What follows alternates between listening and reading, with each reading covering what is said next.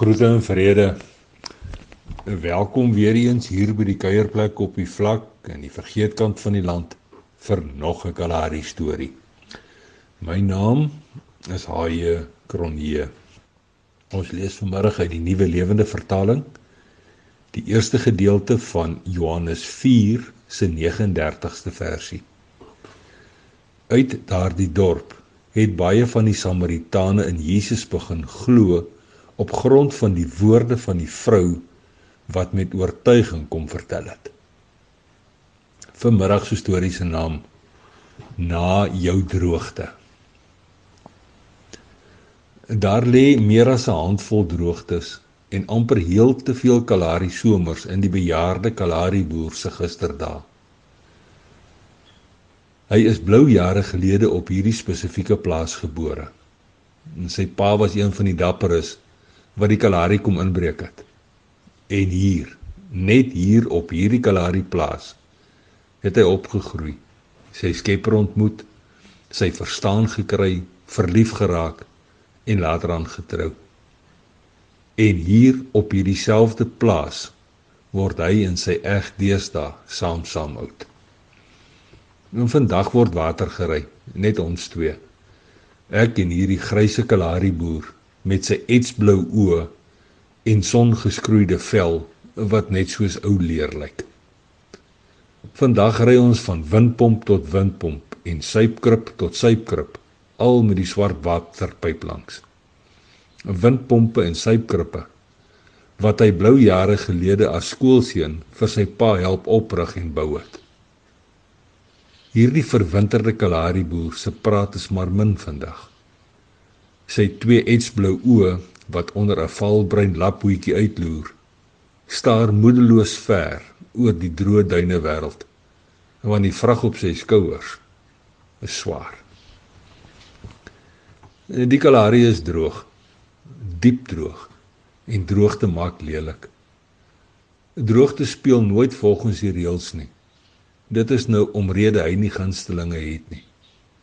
Veral hier in die Kalahari waar 'n droogte spoor nooit ooit mooi is nie. Nie mooi op die veld, die diere of op diegene wat in die Kalahari 'n bestaan probeer losleef nie. Hy loer hoopvol na die ligreis wolkbank bo kan die verste sien terwyl hy die stilte saggies breek. Ek kan nie meer mooi onthou wanneer laas die genade water van bo ons wêreld behoorlik nat gemaak het nie. Hy maak sy longe vol asof hy nog iets wil sê, maar hy gee homself oor aan die stilte. Geduldig wag ek vir hom, want sy gemoed is vol. Iewers in die vorentoe tyd sal dit weer reën, want geen droogte hou vir altyd aan nie. Eerens sal hierdie droogte breek Dit is hoekom die liewe Here ons hier in die Kalahari neergesit het. Ons is hier vir die mooi na die lelike. Beduie die ouma paar minute later. My oë en dinkdinge kry kans om wyd oor die valvlak te loop tot waar die vlak in die verste sien wegraak. Stom stil snak ek na my asem. Hierdie grysse Kalahari boer is reg. Hy is verseker reg. Dit sal weer reën hier in die Kalahari en dit is waarlik waar iets om te aanskou en iets om oor liries te raak. So verander ons se woestynwêreld amper oornag in 'n paradys vir die oog van weer dankbaarheid en hoop en natuurlik verwagting. Dit is wat die Kalahari omskryf en mooi maak. Oorvloedige dankbaarheid, onbeskryflike hoop en betekenisvolle beloftes. Steeds dawer die verwinterde Kalahari boer se sagte woorde in my ore.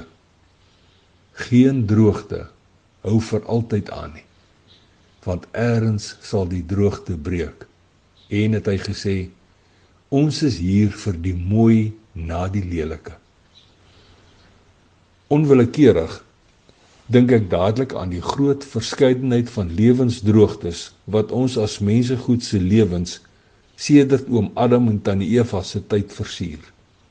Dodelike droogtes wat so maklik adres in ons verhoudinge, ons gesondheid, of selfs in ons finansies maak en ons brose binnevoerings verrinne woes, verniel en natuurlik vermink.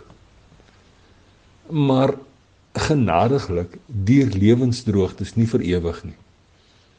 Iewers in die tyd wat kom, sal ons hemelse Vader 'n bepaalde lewensdroogte breek. Ons is egter nie veronderstel om op hierdie seëninge te fokus, dit na te jaag of daaroor liries te raak nie. Nee. Nee.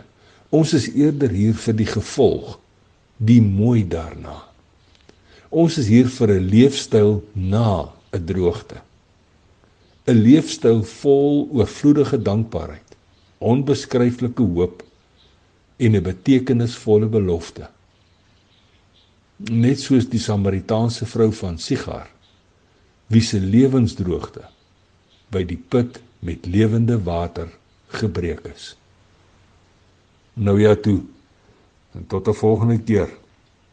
Los mooi spore in Sankorrel baie seëninge.